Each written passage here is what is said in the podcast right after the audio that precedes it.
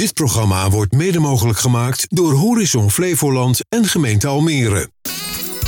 Easy FM tegen innovatie met Ronald Tervoort. Easy FM.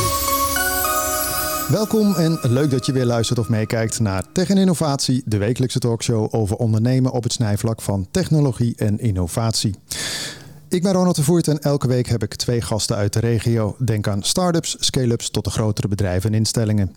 Wat drijft hen? Welke lessen hebben zij als ondernemer geleerd? Hoe proberen ze te innoveren? De impact van technologie daarbij en natuurlijk worden de nodige praktische tips gedeeld.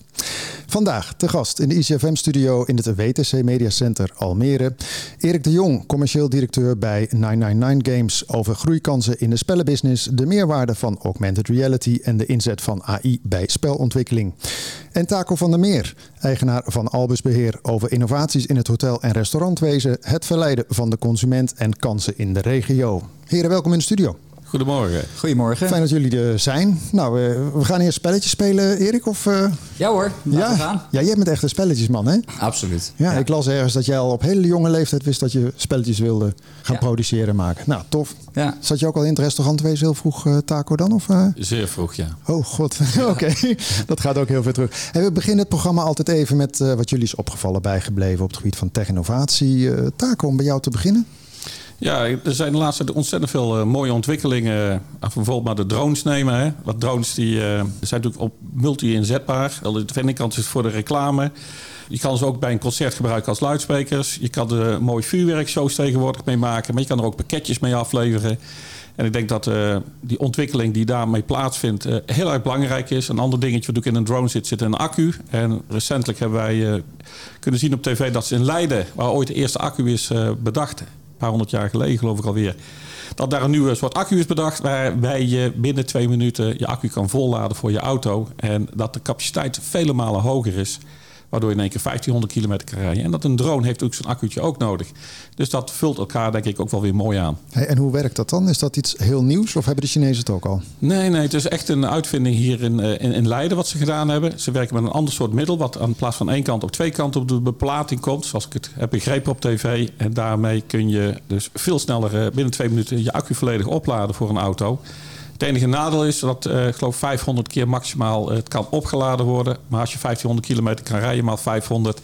Volgens mij rij je niet zo lang in een auto, dus dat is ook geen probleem, lijkt me. Oké, okay, grappig. Ik denk, jij komt iets met uh, iets uit het hotel of het restaurant wezen, met drones. Uh...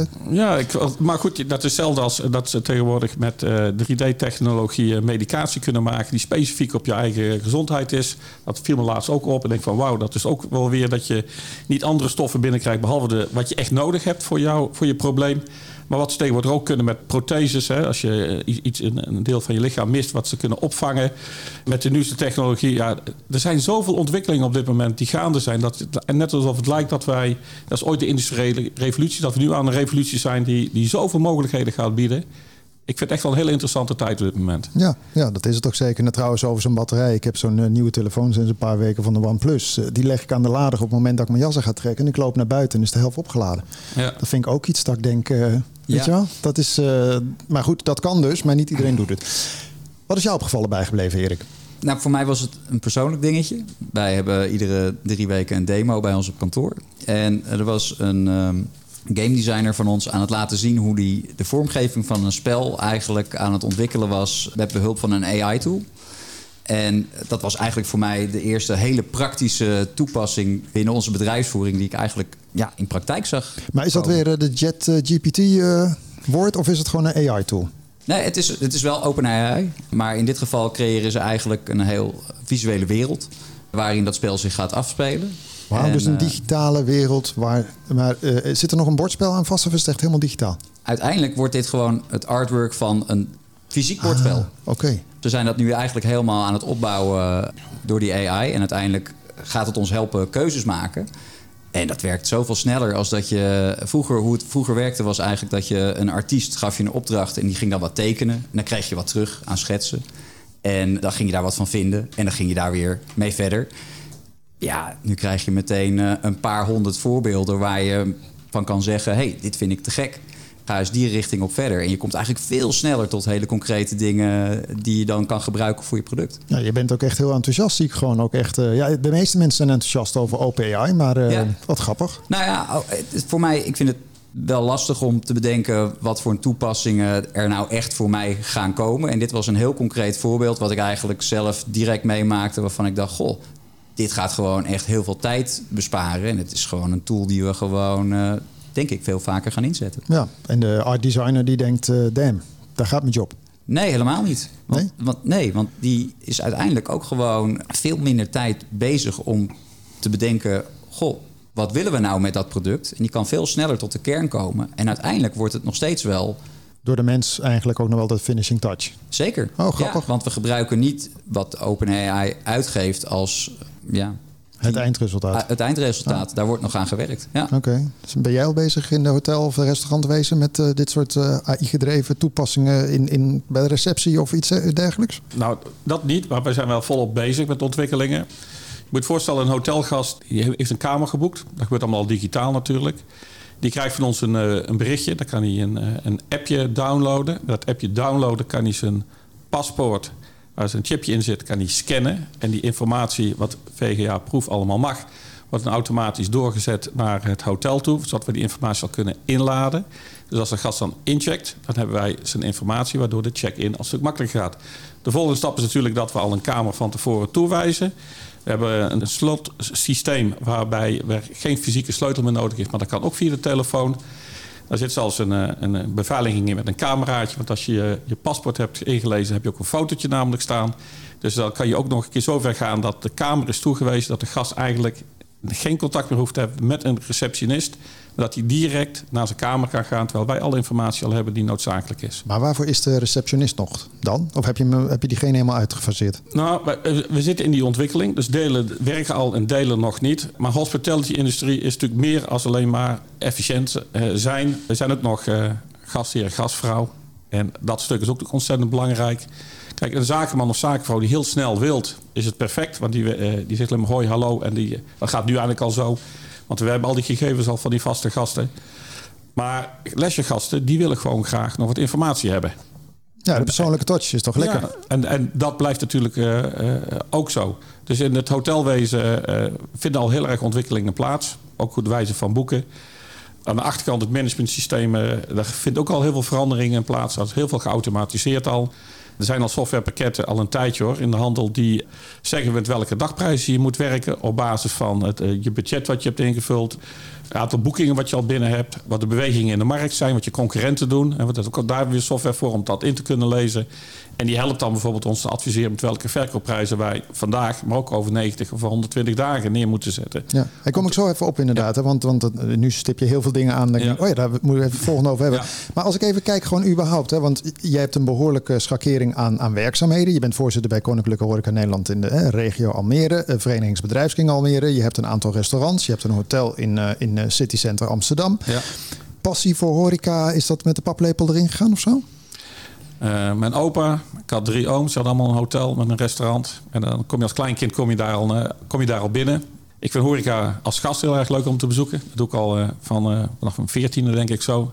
Toen ik 16 was stond ik achter een bar te werken. Vanaf mijn 15 heb ik vijf jaar bij Van der Valk zondag gewerkt.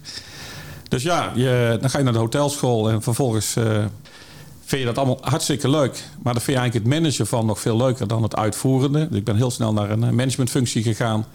En eh, vervolgens eh, een aantal bedrijven gehad als manager. Uiteindelijk directeur geworden in Noordwijk van een hotel. En in 1995 directeur Parkhotel Amsterdam. Dus op de hoek bij de Vondelpark, toch? Daar. Ja, Oké. daar heb ik zeven jaar gezeten. Ik ben de laatste twee jaar ben ik regio-directeur geweest. Kantoor in Londen gehad. En van daaruit een hotels aangestuurd. En toen de groep verkocht werd en ik was klein aandeelhoudertje, heb ik goed gebeurd. Negen maanden vakantie gehouden. En altijd hard werken. En een hotel gekocht in Amsterdam. En die zit eh, precies, want ik, ik had zoiets van, je hebt het hotel in Amsterdam. Eh, Waarom niet in Almere eigenlijk dan eentje ook? Ja, goede vraag. Ik heb daar, ben ooit wel eens mee bezig geweest. Maar Amsterdam is een, natuurlijk een hele bruisende stad. En ik heb altijd in grote steden gewerkt. En toen was Almere niet zo heel groot. Ja, Komt nog een keer op je pad, waarschijnlijk. Ja, ja, weet ik niet. Zou het zomaar kunnen. Maar er zijn ondertussen al geloof ik 12 of 13 eh, mooie hotels in Almere. Ja. Hey, want je hebt ook een restaurant zitten naast je hotel in Amsterdam. En hier ook heb je hè, restaurant eh, Bakbord. Ja. Maar als we het hebben over de horeca, dan denken we toch vaak na corona, denken we, goed, dat was wel eventjes een, eh, een, een, een dikke dip, zal ik maar zeggen. Hoe, hoe gaat het nu? Het gaat eh, meer dan goed eigenlijk. In zoverre, omzetten zijn heel goed. Bestedingen van de mensen zijn heel goed. Of we nou een hotel kijken in Amsterdam. We hebben nog nooit zo'n hoge bezetting gedraaid in december en in januari en in februari. Dat is ongelooflijk. Veel beter dan 2019. Mensen betalen een goede prijs ook voor de Kamer. Dat is ook heel mooi. Het is niet dat we een prijsverlaging het hebben gecreëerd, maar ook die prijzen zijn hoger als 2019. Bakbord, eigenlijk idem dito. Natuurlijk daar heel veel verbouwd en veranderd. We zijn naar fine dining gegroeid. Hè. Ooit was het brasserie-bakbord, nu is het restaurant-bakbord geworden. Dus daar hebben wij eh, eh, veel fors in geïnvesteerd. Daar ligt de gemiddelde besteding ook een stuk hoger. Dus dat gaat allemaal goed. Het grote nadeel is personeel. Ja. Want vroeger waren we zeven dagen open in, eh, hier in Almere, nu nog maar vijf. En het is gewoon, het is zo moeilijk om eh, koks te krijgen. Medewerkersbediening is geen probleem. De, vooral de koks, dat is het grote probleem op dit moment. Om echt vakmensen te krijgen. Ik had een eh, aantal weken geleden had ik eh, eh, hier een aantal mensen en die zeiden ook van ja, het viel mij op in een restaurant een robot die kwam serveren. Nou, jij zegt daar heb ik geen gebrek aan aan mensen aan die kant. Een Nee. kok kan je niet echt robotiseren natuurlijk. Ja, het ligt er ook een beetje aan wat voor soort restaurant je bent. Hè? Er zijn best wel dingen die je zou kunnen automatiseren. Ik bedoel, bij de McDonald's lopen de hamburgers ook door het apparaat heen. Ja, maar dat is toch iets anders dan waar jij op richt qua restaurant. Ju- Juist, dus daar zit ook het essentiële verschil. Je zegt het precies goed. Ons product is eigenlijk niet geschikt voor robots. Zo simpel is het. Je hebt in alle gradaties heb je natuurlijk horeca en restaurants. En ik heb respect voor iedereen wat ze doen. Ik begrijp ook daar niet verkeerd in. Maar wij, bij ons is die persoonlijke touch ontzettend belangrijk. Die service die wij geven is een belangrijk onderdeel van, van het product hier in, eh, in, in Almere, maar ook in Amsterdam. En zonder die service is- zijn we een compleet ander restaurant. Ja. Dat willen we niet. Heb jij wel eens gegeten in een restaurant Erik met een robot erin? Nee, Ik heb zo niet gevonden hoor, maar eh, ik heb wel mijn eerste stukje 3D geprinte vleesvervanger gegeten Oh. vorige week. Ja? oh, hoe is dat? Ehm, heb je het opgegeten? De structuur was wel goed. Ik vond het, de smaak wat minder, persoonlijk nog. Was het een biefstuk die je had? Ja. Een, een soort van. Ja. Oh, jij, jij hebt er ook al ervaring mee, zie ik. Ik heb hem ook een keer gehad. Hoe is dat? Ja, anders. In zoverre, de, de- ze proberen ontzettend te benaderen qua smaak. eh, maar de structuur lijkt meer op draadjesvlees dan op, op biefstuk. Hè? ik weet niet ja, wat jouw ervaring absoluut. was. Ja. Maar ze proberen de smaak wel goed te benaderen. En ik denk dat dat product wordt steeds beter en beter en beter. Maar is het een soort van, eh, dat is natuurlijk weer in één keer de foodkant, maar dan heb je altijd die vleesvervangers. Hè. Daar ben ik ondertussen ook Ja. mee klaar mee. Ik ben gewoon, gewoon, gewoon flexitarisch. Maar dan denk ik, is dit dan iets wat, wat, wat zo smaakt of het gevoel geeft? Wat, wat, wat doet het dan? Zo'n zo'n geprint ding? Heeft het dan nog smaak? Nou, het heeft wel een sausje nodig. Oh, ja, je moet wel even dippen. Ja, vond ik wel. Oké, Ja. jij ook? Of vond je het wel, eh, je ziet wel potentie? Eh, voor ons niet nu, Nee. maar in de toekomst zal zeker daar wel potentie in zitten. Ja. Hey, even naar wat je net ook zegt. Hè. Het gaat fantastisch. Dat is alleen maar eh, toe te juichen. Ja. Maar je had het ook net eventjes over hoe bepaal je nou de kamerprijzen. Nou, we zijn allemaal wel eens aan het grasduinen online. En dan Ja. denk je de ene keer, goh, die prijs was gisteren toch anders dan vandaag. Met cookies en weet ik veel wat. Het lijkt me zo'n race to the bottom, hè, zoals het zo mooi heet. Van eh, jij kijkt nu wat jij net zegt naar de prijs over, wat was het? Over 90 dagen, whatever. Vandaag of ja, of- Maar eh, word je er heel blij van? Van die techniek om dat allemaal te kunnen bepalen? Of zeg je van nou, het is ook een beetje een moedje, net zoals dat de Booking.com in het leven is. eh, je ontkomt er niet aan. Nou, als je die vraag aan mijn revenue manager zou stellen, dan Oh ja. krijg je een big smile. Want die persoon vindt het fantastisch natuurlijk. Ja. Ze werkt al heel lang voor ons, Sylvie. En, eh, maar dat is ook wel de, de, de challenge hè, om zo'n hoog mogelijke prijs weg te zetten. Eh, elke dag eh, bij s'avonds laat, als de night audit gedraaid is, dan uploaden wij onze cijfers in een systeem. De volgende ochtend downloaden wij het. En dan zien we precies wat er in het centrum van Amsterdam is gebeurd. Met vergelijkbare vier sterren hotels, wat hun bezetting is geweest en een gemiddelde kamerprijs. En het is natuurlijk ook altijd wel leuk om te zien of je van de 30 hotels, of je nummer 30 bent, of nummer 10 bent, of nummer 5 bent. Een soort kijkcijfers eh, wat ik bij tv Ja, had, maar dan anders. Ja, ja, er zit wel een bepaalde competitievorm in. Dat we toch wel proberen zo hoog mogelijk te eindigen daarin. En dat. eh, ja, het, het- is best wel heel leuk om, eh, om, om, om te kijken hoe goed je het van tevoren aantal prijzen hebt weggezet.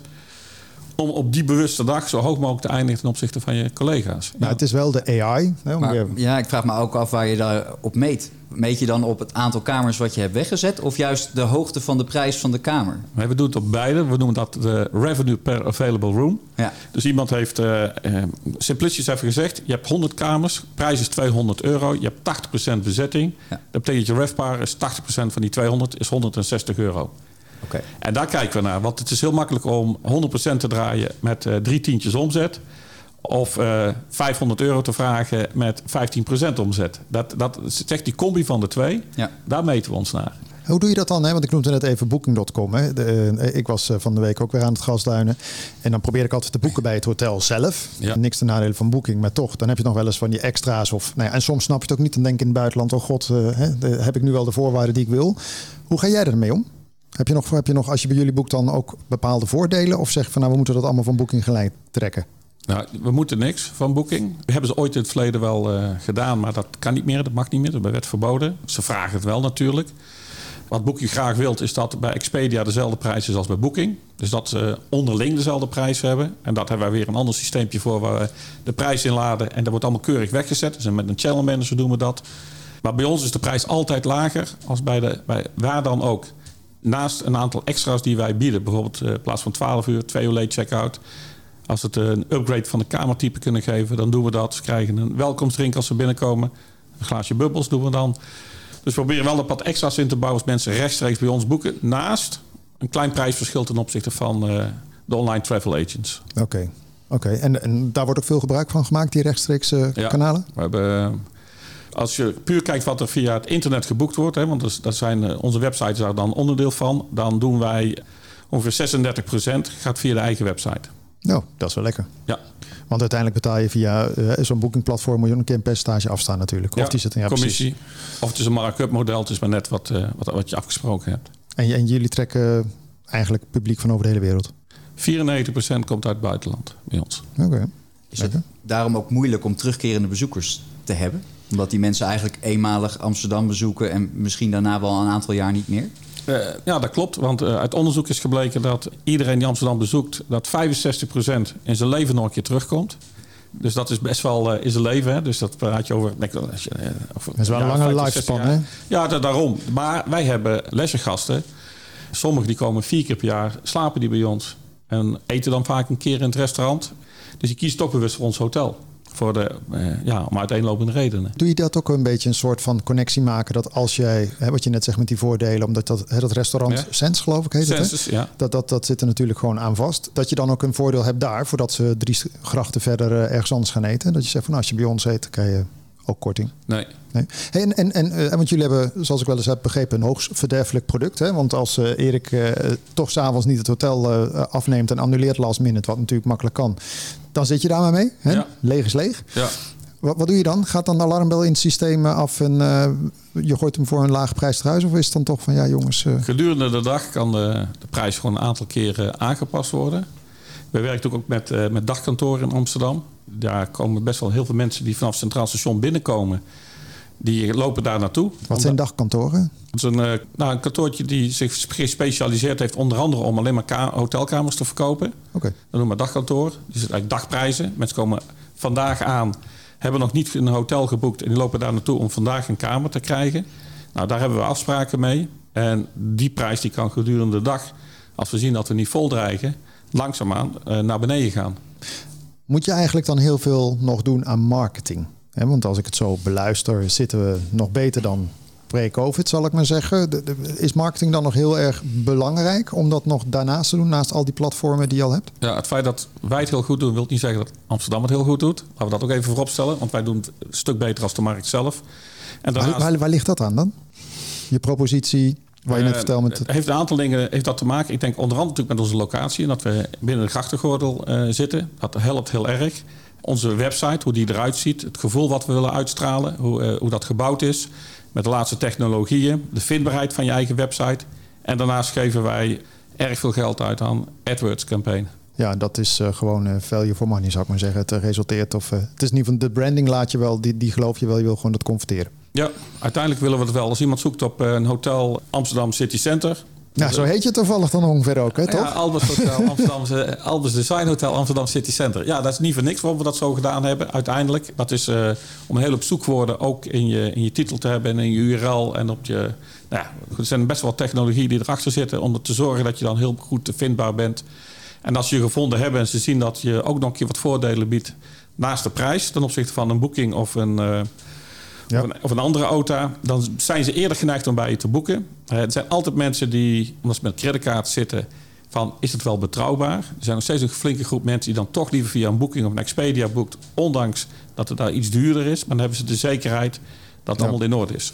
Heb je nou eh, eigenlijk, Erik, hè, want eh, als ik naar een hotel ga, dan ga ik toch vaak eh, met de kids willen ze toch een spelletje spelen. Die stop ik niet allemaal in mijn koffer, want er mag tegenwoordig steeds minder koffer mee in het vliegtuig, zal ik maar zeggen. Ja. Heb je nou ook met partijen zoals die van eh Taco dat je zegt van we hebben heel veel spellen en dat gooien we lekker neer, want dat is toch internationaal. Hè? Het ene en het andere spel, eh, ja, dat is niet zo heel moeilijk. Ik bedoel, Monopoly is Monopoly, dat maken jullie niet. Oké, Daar komen we straks wel even op. Maar is dat iets voor jullie Nou, qua marketing? Ja, wij hebben primair Nederlandstalige spellen. Dus dat maakt het voor de hotelerie, zeg maar, wel Want jullie hebben kolonisten en zo. Ja, daar zitten natuurlijk wel Eh, kaartjes bij met Nederlandse teksten. Met Nederlandse tekst. En- Maar Halligalli is gewoon een ram op de bel. ja, Hè, dat maar kan dan je- hebben wij toch ook alleen maar de rechten voor de Nederlandstalige handlijn. Dus dan moeten mensen het echt al kennen. Oké, en dan komen we dadelijk even. Dat is eh, interessant dat je dan wel het een hebt en niet het ander. Ja. Als je even kijkt naar innovatie in het hotel- en restaurantwezen, om het breed te pakken, Ja. taco. Eh, je riep aan het begin al een aantal zaken die spelen. Eh, volgens mij, eh, op een gegeven moment zat ik in een restaurant, had je QR-codes. Nou, we hebben Ja. een robot. Wat zijn nou, nou ja, de laatste dingen op dat gebied waarvan jij zegt, nou, dat gaat de komende jaren wel ja, trendzettend worden? Nou, door het probleem van personeel moet je naar andere oplossingen gaan. Elk restaurant kun je al online boeken. Als je binnenkomt kun je QR-code kun je de menukaart eh, scannen. Als je wilt afrekenen, dan krijg je een bonnetje tegenwoordig waar een andere QR-code op staat. Die scan je en dan via een tikkie betaal je. Dus er zijn best wel ontwikkelingen om met minder personeel toch best wel veel gasten te kunnen ontvangen. In hotelwezen, maar dat, is dat bestaat al een tijdje, eh, zijn eh, check-in balies waar geen personeel meer aanwezig is. Dat zie je steeds meer en meer komen. Eh, wij gaan volgend jaar onze receptie verbouwen en dan komen er ook twee check-in terminals aan te staan. Gewoon om ja, ontlastend te zijn, om in te spelen op de tekort op de arbeidsmarkt. En dat gaat voorlopig niet veranderen. Want als jij net zegt, eh, gebrek aan koks. Want je kunt bedenken, in coronatijd kon iedereen alles deliveren. Als je dan het over bakboord of over Sense. Was je dan aangesloten ook op eh, de Just Eat eh, takeaways en dat soort dingen? Nee, nee, nee, nee, nee. Dat is vloek in de kerk, denk ik. Hè, dan. Nou ja, kijk, weet, weet je wat het is? Wij maken elke maand doen we een, PINA, een, een verlies- winstrekening maken. Dus we weten exact hoeveel geld we verdienen. Het gemiddelde horecabedrijf in Nederland houdt ongeveer 10% over. Een restaurant, hè, praten we even over, restaurant en bars. Als je delivery gaat werken en je moet daar dan 15% commissie aan betalen... en je houdt met 10% onder een streep over... en er moet een keertje 15% commissie afgedragen worden... dan kun je eigenlijk afvragen voor wie sta je eigenlijk te werken. Sta je voor die delivero's te werken en al die andere bedrijven... of eh, doe je het voor jezelf? En wij hebben het besluit genomen om alles in eigen hand te doen. En dat heeft, eh, ja, dan krijg je toch wel wat positieve resultaten daarin. Ja, maar je zit ook een hoger segment. Ik bedoel, we hadden net de McDonald's en wat jij doet, daar zit een heel groot gat tussen. Ja. Dat is wat anders dan wat je in een eh, kratje achter op de fiets gaat bezorgen. Nou Maar in coronatijd kon dat wel. Hè? Je had een aantal luxe restaurants die daaraan deden. Wij hebben, we hebben, we hebben met corona hebben wij dat zeer zeker gedaan. We hebben het eerste jaar met kerst. Normaal gesproken doen we kerst doen wij eh, 80 couverts ongeveer. Eh, op eh, eerste kerstdag. Tweede kerstdag zijn we dicht. Want ik vind dat mijn medewerkers ook kerst moeten kunnen vieren. En een ander zegt dan, maar dat is veel omzet. En ik zeg, ik vind mijn medewerkers toch belangrijk als die ene dag omzet. Daar ben ik heel eerlijk in.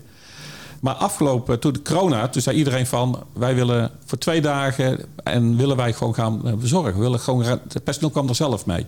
Om uh, mij als ondernemer ook een beetje tegemoet te komen. En toen hebben wij het eerste jaar, hebben wij in plaats van 80 couvertjes... hebben wij met vijf en zes gangen, hebben we er schrik niet 854 verzorgd. Zo. Dat was een militaire operatie om al die kratjes te vullen. Ja. Bijna iedereen is het zelf komen halen. Om ook ons niet op kosten te jagen. Bijna iedereen. We hebben alleen maar wat oudere mensen hebben wij het bezorgd. Hebben gezegd van nou, natuurlijk gaan we dat bezorgen. En de rest is komen halen. En het was gewoon een geweldig succes. Ja, maar, maar, maar niemand zet het door nu. Ja, het is ook geen urgentie toe. Maar het, het, het- ja, het- ik, je had wel toch nieuwe dingen die je dan weer ging eten thuis. Hè? Omdat het toch in één Ja. keer... eh, Maar goed, daar heb je natuurlijk de nieuwe ontwikkeling dat je daar de, de, dark restaurants hebt. Hè, dus die alleen maar eh, bezorgen doen. Dus je hebt je een, eh, op het industrieterrein wordt een keuken in elkaar gezet. En van daaruit wordt alles dan bezorgd. Dus die ontwikkeling heeft er wel plaatsgevonden. Ja, dat klopt. Dat had uh, ja, Deliveroo, dat is er niet eens meer. Die hadden dat geloof ik ook in hun uh, ja. portfolio zitten. En nog even kort ook gelet op de tijd. Want jij zit, uh, wat ik eerder zei, bij Koninklijke Horeca Nederland, regio Almere. Ja. Ben je voorzitter van. Wat speelt u nou in de regio waarvan je zegt dat, zij, dat zijn hele urgente zaken op dat gebied? Is dat innovatie of is dat gewoon... Personeel. Dat, dat, personeel. Is, dat is het grootste probleem wat je hebt. Kijk, je kan wel zeggen van ik heb minder personeel, ik ga van zeven terug naar vijf dagen. Je hebt een huur die toch voor zeven dagen in de week is. Je kan wel delen van je pand dichtzetten en zeggen van ik ga wat kleiner opereren. Maar je blijft toch wel betalen voor een heel huur betalen voor een heel pand. Of bij de bank je rent en aflossing betalen. Dus dat, dat, dat is best wel een heel groot probleem aan het worden. En dat betekent dat er dus de rentabiliteit van horecabedrijven wordt steeds kleiner en kleiner. Maar hoe ga, je dat, hoe, hoe, ga je dat oplossen? Want een kok, ik bedoel, ik, ik ben niet zo'n mega kok. Ik weet niet of jij dat bent, Erik. Maar nee, je moet even omgeschoten worden. Of je moet, dat, dat is nogal een tracé. Ja, en voordat je het weet, gaan ze bij de concurrent. Want dus... Ja, we gingen, zijn uh, van 10 naar 8 naar 6 gegaan, ja. En er zijn er ook, ja, maar goed. Eentje van mijn koks is uh, naar de White Room gegaan in, uh, met Krasnopolski. Dat snap ik. Dat is ja, ze upgrade dan ja, weer. upgrade Michelin-ster restaurant. En daar is hij gaan werken. Nou, ik vind het hartstikke fijn voor hem. Ja. Alleen we hebben hem nog steeds niet kunnen vervangen. En dat is heel vervelend voor ons weer natuurlijk. Ja, maar dat zijn dan inderdaad de uitdagingen ook in de regio. Oké. Okay. Ja. Hey, e- Erik, je, je zit ja. hier zo. Hè, de, kijk, passie voor horeca. Maar als ik het goed heb begrepen, was jij op jonge leeftijd degene die al wist dat die spelletjesman ging worden? Ja, ik was, ik was wel uh, vrij vroeg erbij dat ik dacht ik ga daar iets mee maar willen. Waar komt dat vandaan? Want iedereen houdt van spelletjes spelen, denk ik ja. altijd hoor. Dus, maar zo fanatiek als jij het was, dat... Uh... Nou, nee, ik ben opgegroeid in een huis waar mijn vader zijn boterham ook verdiende met spelletjes. Dus die is 40 jaar lang bij uh, Jumbo werkzaam geweest. Oh, je mag die naam wel noemen, gewoon MB, Jumbo. Dan gaan niet ja, uh, hartslagverhogende werking of zo. Nou, okay. dat wel, maar nee.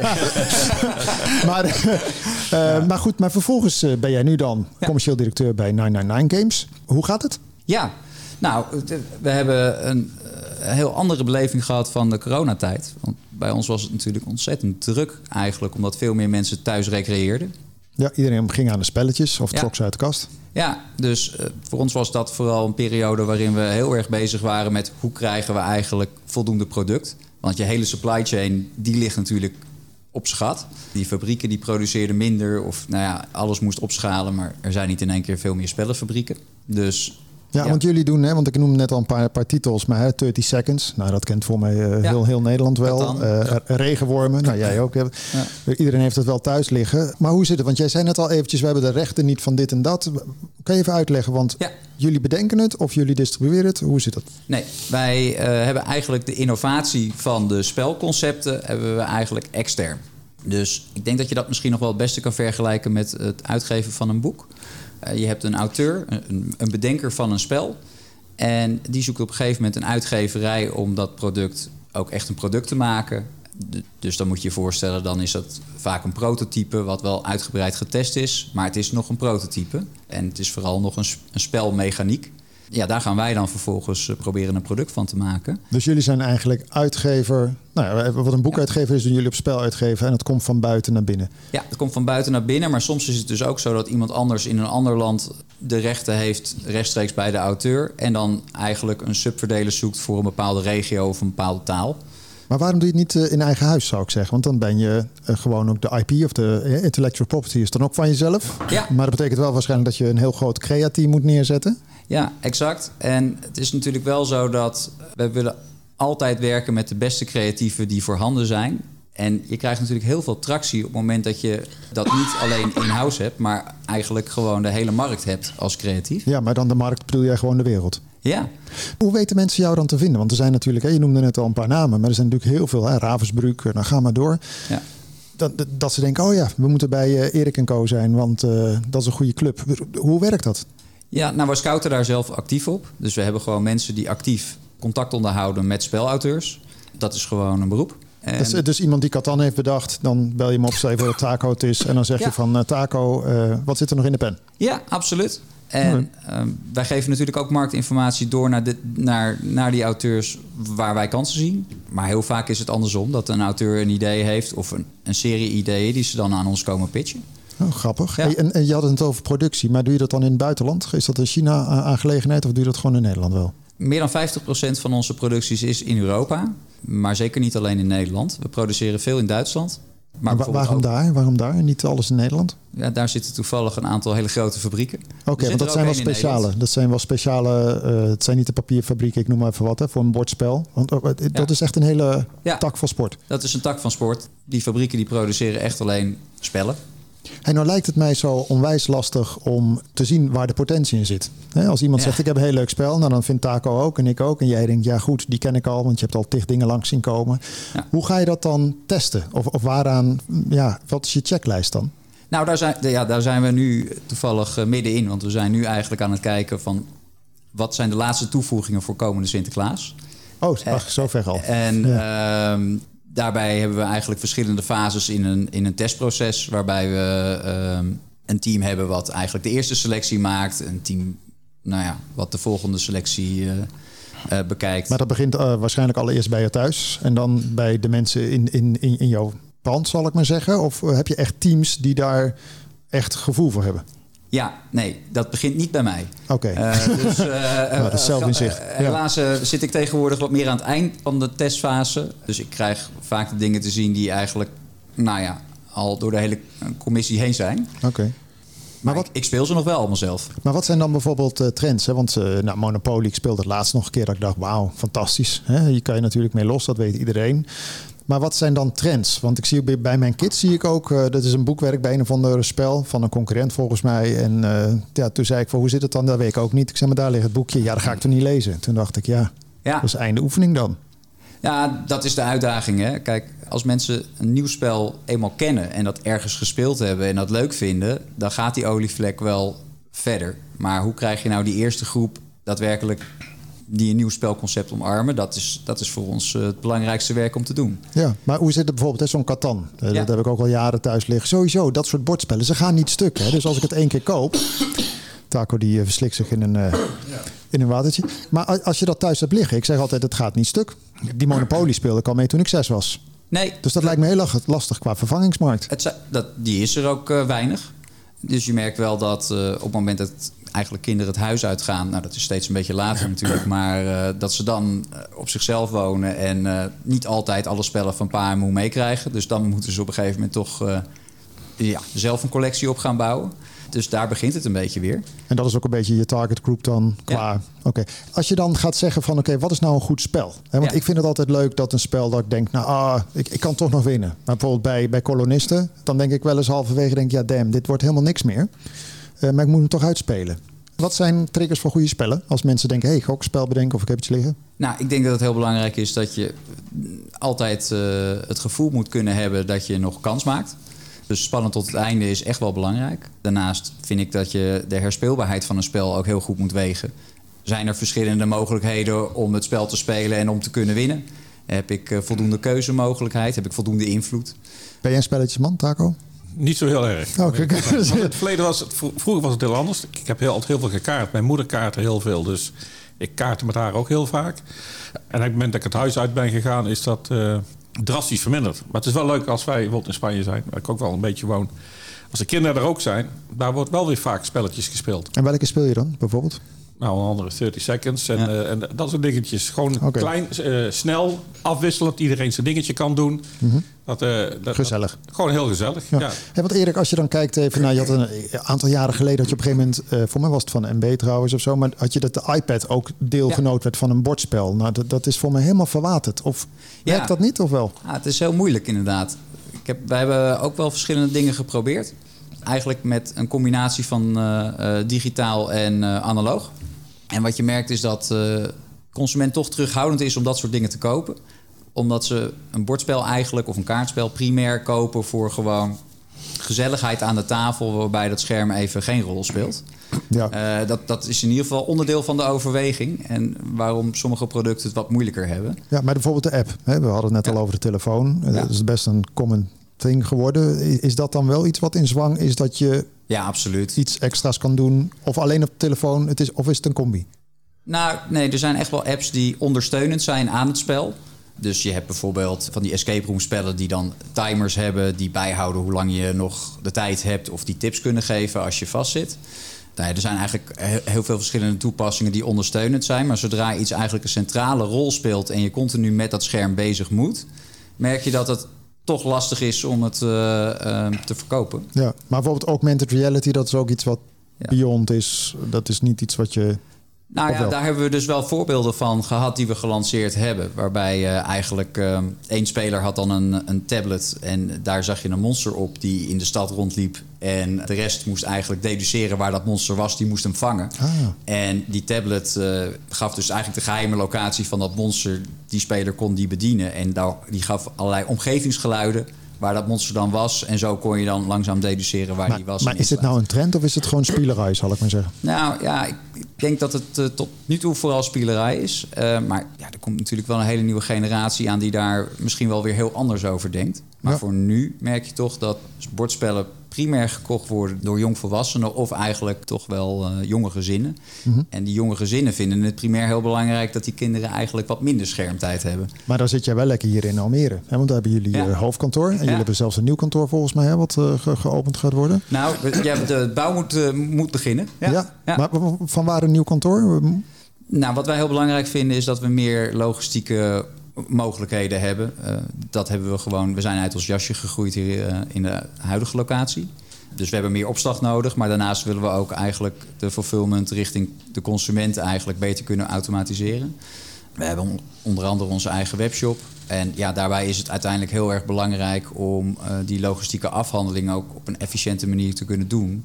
Om daadwerkelijk dat ook op een kostenefficiënte manier te kunnen doen. Maar dan zeg je inderdaad hè, naar de consument. Maar jullie beleveren ook alle grote winkels. Hè, de Intertoys, Ja, whatever. dat klopt. Ja. Dat cannibaliseert niet op elkaar. eh, dat ze zeggen allemaal leuk, eh, maar je, je zit nu op ons kanaal eigenlijk. Nou, kijk, wij willen gewoon liggen daar waar de consument eh, graag onze producten ziet. En je hebt verschillende typen consumenten die op een verschillende manier koopt. En ik vind dat je eigenlijk overal waar de consument dat wil, je product moet proberen te hebben liggen. Dus er is gewoon een groep consumenten die het heel erg leuk vindt om ons nauw te volgen. En dus ook rechtstreeks die binding met ons te hebben en ook rechtstreeks te kopen. En je hebt natuurlijk data. Je kan gewoon zien van oké, het is eh, eh, de ja. regio X, Y of eh, het gaat natuurlijk niet heel diep. Je kan niet zien het is een man of een vrouw of whatever. Maar je- ziet wel wat de behoefte is. Nou, zodra mensen, zodra mensen bij ons kopen, kun je natuurlijk wel iets uit die data eh, leren. En dat proberen we ook zeker te doen. Maar wat we daarbij vooral belangrijk vinden om te leren is... wat vinden mensen nou eigenlijk leuk en waarom kiezen ze nou voor bepaalde spellen... en waar ligt dan eigenlijk die onderliggende behoefte... zodat je daar eigenlijk je aanbod weer beter op kan afstemmen. Als je prijstechnisch kijkt, hè, Ja. is het dan eh, bij Intertoys goedkoper dan op je eigen website? Of hoe, hoe, hoe doen jullie dat? Nou, we zijn vaak duurder op onze eigen website. Oké. Als je puur alleen op prijsniveau Ja. kijkt. Dus eh, we hebben daarnaast wel bijvoorbeeld een loyalty, eh, loyalty programma... waarbij mensen eigenlijk punten krijgen op het moment dat ze bij ons eh, kopen. En, Maar waarom ben jij duurder? nou, we zijn wat dat betreft duurder... omdat er daadwerkelijk spelers op de markt zijn die... Het, ja, Gewoon ook beneden de prijs doen. Maar ik bedoel, het Taco heeft juist dat hij eh, iets goedkoper is. Dat lokt, zal ik maar zeggen. Maar als Ja. jij dat doet, dan denk ik wel dat de, de Intertoys gaat zeggen... "Ah, allemaal leuk Erik, maar eh, Nou, de race to the bottom is best wel aan de hand op consumentengoederen. En ik denk dat dat ook zeker bij, bij spellen wel aan de hand is. Er zijn veel spelers die eh, spellen aanbieden aan de consument. En ehm, ja, Je, je struint gewoon internet af. Ik weet niet hoe jij dat doet als je iets moet kopen qua spellen. Maar dan ga je toch even online en dan is het toch... eh, of het nou Amazon is of eh, jullie eigen website. Ja. Dat doet het dan toch minder toe. Nou ja, voor een deel van de, van de klanten is prijs absoluut de meest bepalende factor. En aan de prijsknop draaien geeft een aantal spelers op de markt ook absoluut meer conversie. Want als je even kijkt, even nog ook gelet op de tijd. Hè, een succesvol spel, hoeveel verkoop je er dan? Tussen de 200.000 en 250.000 per jaar. Oké. En is het dan vaak ook zo'n curve? Hè? Want zoals Catan, dat kent iedereen. Regenwormen, nou Ja. goed. Zijn dat allemaal dezelfde flows, zal ik maar zeggen? Of is dat heel grillig? Nee, dat is, dat is, eh, ze hebben over het algemeen een lange levenscyclus. Eh, Dus het bouwt heel langzaam op. Dan heeft het een aantal jaren waarin het echt wel een piek heeft. En tegen de tijd dat iedereen het kent en verwacht... nou, daar zal je er dan vooral al veel van verkopen... dan is hij eigenlijk al wel weer teruggezakt naar een, eh, niveau... waarop hij dan stabiel Maar blijft. hoe, hoe krijg je daar de hype in? Kijk, zoals bij het eh, hotelwezen bij Taco... dan weet je op een gegeven moment dat je op de right spot zit. Al begint het bij je CEO, zeg maar. Ja. Dat je denkt, oh, City Center. Ja, heb je die, eh, het geheim? Dat moment is soms best wel ongrijpbaar. Wat je merkt is, als een spel echt heel erg gewaardeerd wordt... als mensen het spelen en er echt enthousiast over zijn... dan is een bepaalde critical mass in de market gewoon heel belangrijk... Want dan is er een bepaalde groep mensen die dat actief speelt met andere mensen, waardoor je echt die sneeuwbal krijgt en er in één keer een kooppiek ontstaat. Ja, die critical mass kan je natuurlijk op verschillende manieren in de markt krijgen. Maar doe je dan veel aan eh, socials met eh, TikTok of eh, dat soort dingen? Ja, ik denk dat we veel aan marketing doen, absoluut. Online, offline, eh, daar zijn we heel actief mee bezig. En met name de spellen die eigenlijk eh, eh, een paar jaar op de markt zijn, waarbij we zien dat mensen die enorm kunnen waarderen, maar er gewoon nog te weinig mensen van gehoord hebben. Je zei net eerder dat je ook in de buitenlanden actief bent. Ja. Jullie hebben toch met z'n, nou, de hele spellenwereld, zal ik maar zeggen, dat lijkt me echt competitief. Nou, jullie zijn voor mij eh, een kleine, middelgrote speler. Wat, wat zijn jullie? Nou, op, op eh, wereldniveau zijn wij absoluut een kleine speler. Maar hoe doe je dat dan? Eh, dat je in Frankrijk of misschien zit je ook in Zuid-Amerika, geen idee. Hoe, hoe pik je je land uit dan? Nou, wij werken die landen uiteindelijk ook weer met internationale partners die het daar weer afzetten. Dus die geven dat uit onder hun eigen label. Ah, oké. Ja, dus eh 999 Games eh, is vooral een merk wat bekend is in de Benelux. En is het nou zo dat, eh, dat iemand uit India denkt: ik heb een leuk spel. Nou, toevallig komt die eh, via wat dan ook bij jullie terecht. Dat Ja. kan allemaal. Het maakt niet uit waar het vandaan komt. Licenseren. Nee, klopt. Ja. Alright. En, maar goed, we hebben ook wel eh, projecten gedaan hoor, waarbij 99 Games internationaal als merk gevoerd werd. We hebben volgens mij twee jaar geleden ook een Kickstarter gedaan, waarbij we eigenlijk voor een heel groot strategisch spel, super tof, maar voor een relatief klein publiek. Waarop we hebben gezegd, nou ja, we gaan dat eh, tonen op Kickstarter. En we gaan kijken of er wereldwijd genoeg animo voor is om dit project te realiseren. Dat bleek. En dan, dan, ja, dan heb je ook één versie, een Engelstalige versie, die je dan uitgeeft voor de hele wereld. Heb jij nou ook, eh Taco heeft last van eh, tekort aan eh, koks, Ja. keukenpersoneel? Bij jou heb je dan waarschijnlijk, ja, je hebt een klein teampje nodig die het goed reguleert. Of, of zeg van nou, we zoeken nog wel mensen. Nee, op dit moment zoeken we geen mensen. Maar het is wel zo dat goede creatieve mensen natuurlijk altijd bij ons kunnen aankloppen met spelideeën. En de, dus heb dat- je wel een spelidee gehad, eh, Taco, als je ergens Nee. was? Nee? Spelideeën op het gebied van eh wat, eh 999? Nee, nee. Nee? Oh, ik heb dat vroeger wel eens gedaan. Eh maar dat, trouwens, dat 30 Seconds heb ik wel eens van begrepen dat er een tv-programma kwam. Maar dat heb ik nog nooit zien langskomen. Komt dat er nog? Even vragen. dat weet ik niet. Nee, Oh. dat weet ik niet. Maar jij bent licentiehouder, dus dan... Ja, nee, er loopt op dit moment niks. Oké. Dat ik weet. Maar het, ik kan me ook voorstellen dat spelletjes... Ik heb vroeger bij, hè, bij Endemol dat we dan ook in de game unit en zo... maar dat het lastigste was om een finale te bedenken. Mhm. Hè, dat eerste stuk ging nog wel. Maar ja, zorg maar dat het tv-waardig is. Ik bedoel, eh, prijzenslag is heel leuk op tv... maar als je thuis iets moet bedenken... kan het zijn dat je denkt, nou, geloof het allemaal wel. Nee, dat klopt. En ik denk ook op het moment dat je die spellen tot een tv-format moet ombouwen, dan hebben we daar ook gewoon expertise van buitenaf voor nodig. Maar uiteindelijk kan je overal spellen van maken. Hè. We hebben ook een spel eh, waarin je een kroeg runt. Dat heet Taverne van de Oude Stad. En dat is gewoon... Maar die ken jij dat, niet? nee. Nou, ja, je Maar kijkt zo. Ik, Nee, ik, ga leuk. Taco er een bezorgen, Nadien. Maar eh, ehm, dat is gewoon eigenlijk een managementspelletje... waarbij je eh, eigenlijk je eigen kroeg moet optimaliseren. Grappig. We zijn weer richting het einde van het programma sowieso. Jij kan nog wel uren doorkletsen. We kunnen ook een spelletje gaan spelen, maar dat wordt een beetje saai. Ik vraag altijd de gasten waar ze zich op verheugen eh, de komende week of weken. Eh, Taco, eh, wat is dat voor jou? Ja, nou in ieder geval dat ik eh, naast mijn eh, drukke werkzaamheden... dat ik s'avonds eh in het weekend vooral ook vrienden ontmoet. En dat ik daar het een en ander in ga doen. En ik ga binnenkort met een paar medewerkers... in een twee Michelinsterren restaurant eten. En dat in Amstelveen. En daar verheug ik me ook heel erg op. Om te kijken hoe hun het daar doen. Ben je dan heel kritisch, net zoals de mensen in de krant die recenseren? Of, Nee, nou, omdat ik daar met collega's ga, ben ik veel kritischer. Als ik privé ga, dan ga ik vooral voor de hele ervaring. En dan natuurlijk al die kleine dingetjes die je ziet, maar dat, dat irriteert me helemaal niet. Dan ga ik vooral voor de totale ervaring. En dat is eigenlijk in de regel altijd wel, wel heel erg goed. Ik zeg wat ik net al zei, we gaan nu met collega's. En dan is het toch ook wel een beetje om de anderen te laten zien... hoe een twee Michelin-restaurant eh, gerund wordt... en hoe dat allemaal gaat en ervaart. En dan ben je natuurlijk inderdaad iets kritischer. Aan de andere kant hoop je natuurlijk een hele hoop dingen te, Te zien... leren, die je kan oppikken en die je dan weer eh, kan implementeren in, hier in restaurant Bakwoord. ja, mooi. Jij Erik, waar verheug je op komende weken? Ja, nou, ik heb eigenlijk de leukste tijd van het jaar nu eh, voor de boeg. Omdat we dus eigenlijk al die spelconcepten... die komen nu een beetje eh, in het einde van de testfase... waarin ik nog min of meer te zien ga krijgen van... joh, welke laatste toevoegingen kunnen we nog gaan doen? Dus ik ga de komende weken veel spelen. Oh, wat leuk zeg, wat een En, vak. eh, ja, Daar dus word je dat- voor dat- betaald dat, ook echt. Dat, dat, is, dat is een luxe, ja. Wauw, hoeveel mensen heb je eigenlijk eh, op de loonlijst of eh, rondlopen? Eh, We hebben er eh, ongeveer 40. Wauw. Oh, dat lijkt me heel erg tof. Dat je Ja. dat... eh, Ja, lekker Ja. spelen. En, en uiteindelijk ook wel nadenken over... Goh, zou dit nou dan de volgende hit zijn... waar iedereen heel erg enthousiast over is? Daarover dromen en speculeren en daarover nadenken is uiteindelijk wel het leukste wat er is. Wauw, dat is... Ja, eh, en als dat uitkomt, is het helemaal geweldig. Hè? Ja, precies. Dat is kicken natuurlijk. Dat, dat, Ja, je het goed hebt is, is hartstikke tof. ja, dat is jouw eh, Sinterklaas of kerstcadeau dan. Ja, toch? ja, de cijfertjes. Ja. Ik dank jullie hartelijk. eh, Erik de Jong, commercieel directeur bij 999 Games. En Taco van der Meer, eigenaar van Albus Beheer. Nou, daar valt heel veel dingen onder natuurlijk. Ja. Dank jullie hartelijk voor het eh, prettige gesprek en eh, alle insights. Want ja, er speelt nogal wat eigenlijk. Hè, op innovatiegebied ook. Er, sp- speelt een, heel wat, maar het mooie is altijd, en dat heeft afgelopen zaterdag ook in de Telegraaf gestaan. Daar, ze zijn afgelopen dinsdag wezen eten. En als je al een 8,5 scoort, en ze zijn ontzettend lovend over wat we doen in restaurant Bakboord. Dan heb je dat soort beloningen heb je ook gewoon heel hard nodig. Ook al heb je wat minder koks. Eh, ze hebben het allemaal als perfect ervaren. En dat, eh, dat geeft heel veel vreugde. Maar dat geeft ook impact, denk ik. Als zo'n krant, hè, ik heb het wel eens over Ja. Parool of andere kranten. Dan Ja. denk ik, nou, dan kun je de wachtlijsten wel aanslepen als je positief... eh, Ja, nou ja, dat is voor die vijf dagen die Ja, wel open zijn, eh, is dat alleen nog heel goed. Nou, top. Nou, dat, eh, daar kan je niet eh, snel weer bovenop. Ja.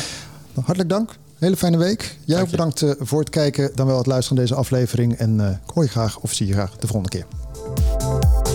Dit programma werd mede mogelijk gemaakt door Horizon Flevoland en gemeente Almere.